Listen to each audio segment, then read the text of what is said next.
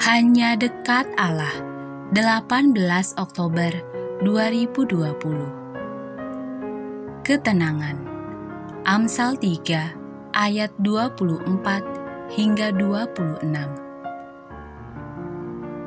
Dalam ayat 24 penulis kitab Amsal mengingatkan salah satu kegunaan hikmat. Jikalau engkau berbaring, engkau tidak akan terkejut tetapi engkau akan berbaring dan tidur nyenyak.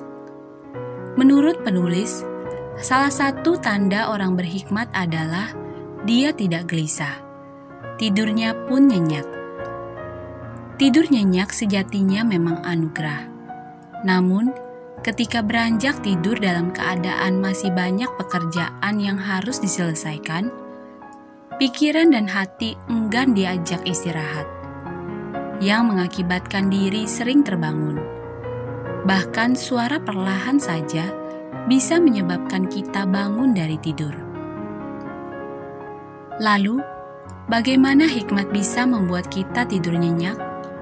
Pertama, dengan hikmat, baiklah kita mengatur waktu kerja kita begitu rupa, sehingga tak ada lagi utang kerja.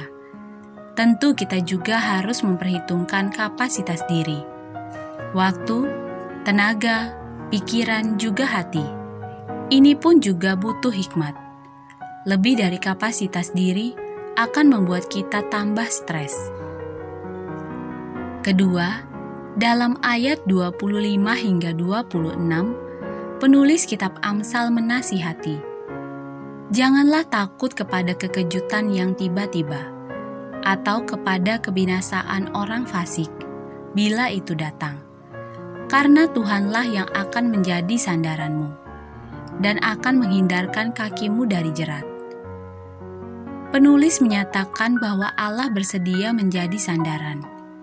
Itu berarti ketenangan bukan karena mengandalkan diri sendiri, tetapi kita tahu ada Allah yang bersedia menjadi penopang.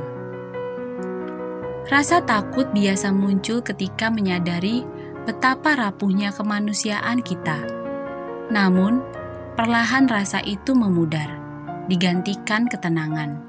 Kala menyadari bahwa Allah yang Maha Kuasa bersedia menjadi sandaran kita. Percayalah. Salam semangat dari kami, Literatur Perkantas Nasional. Sahabat Anda bertumbuh.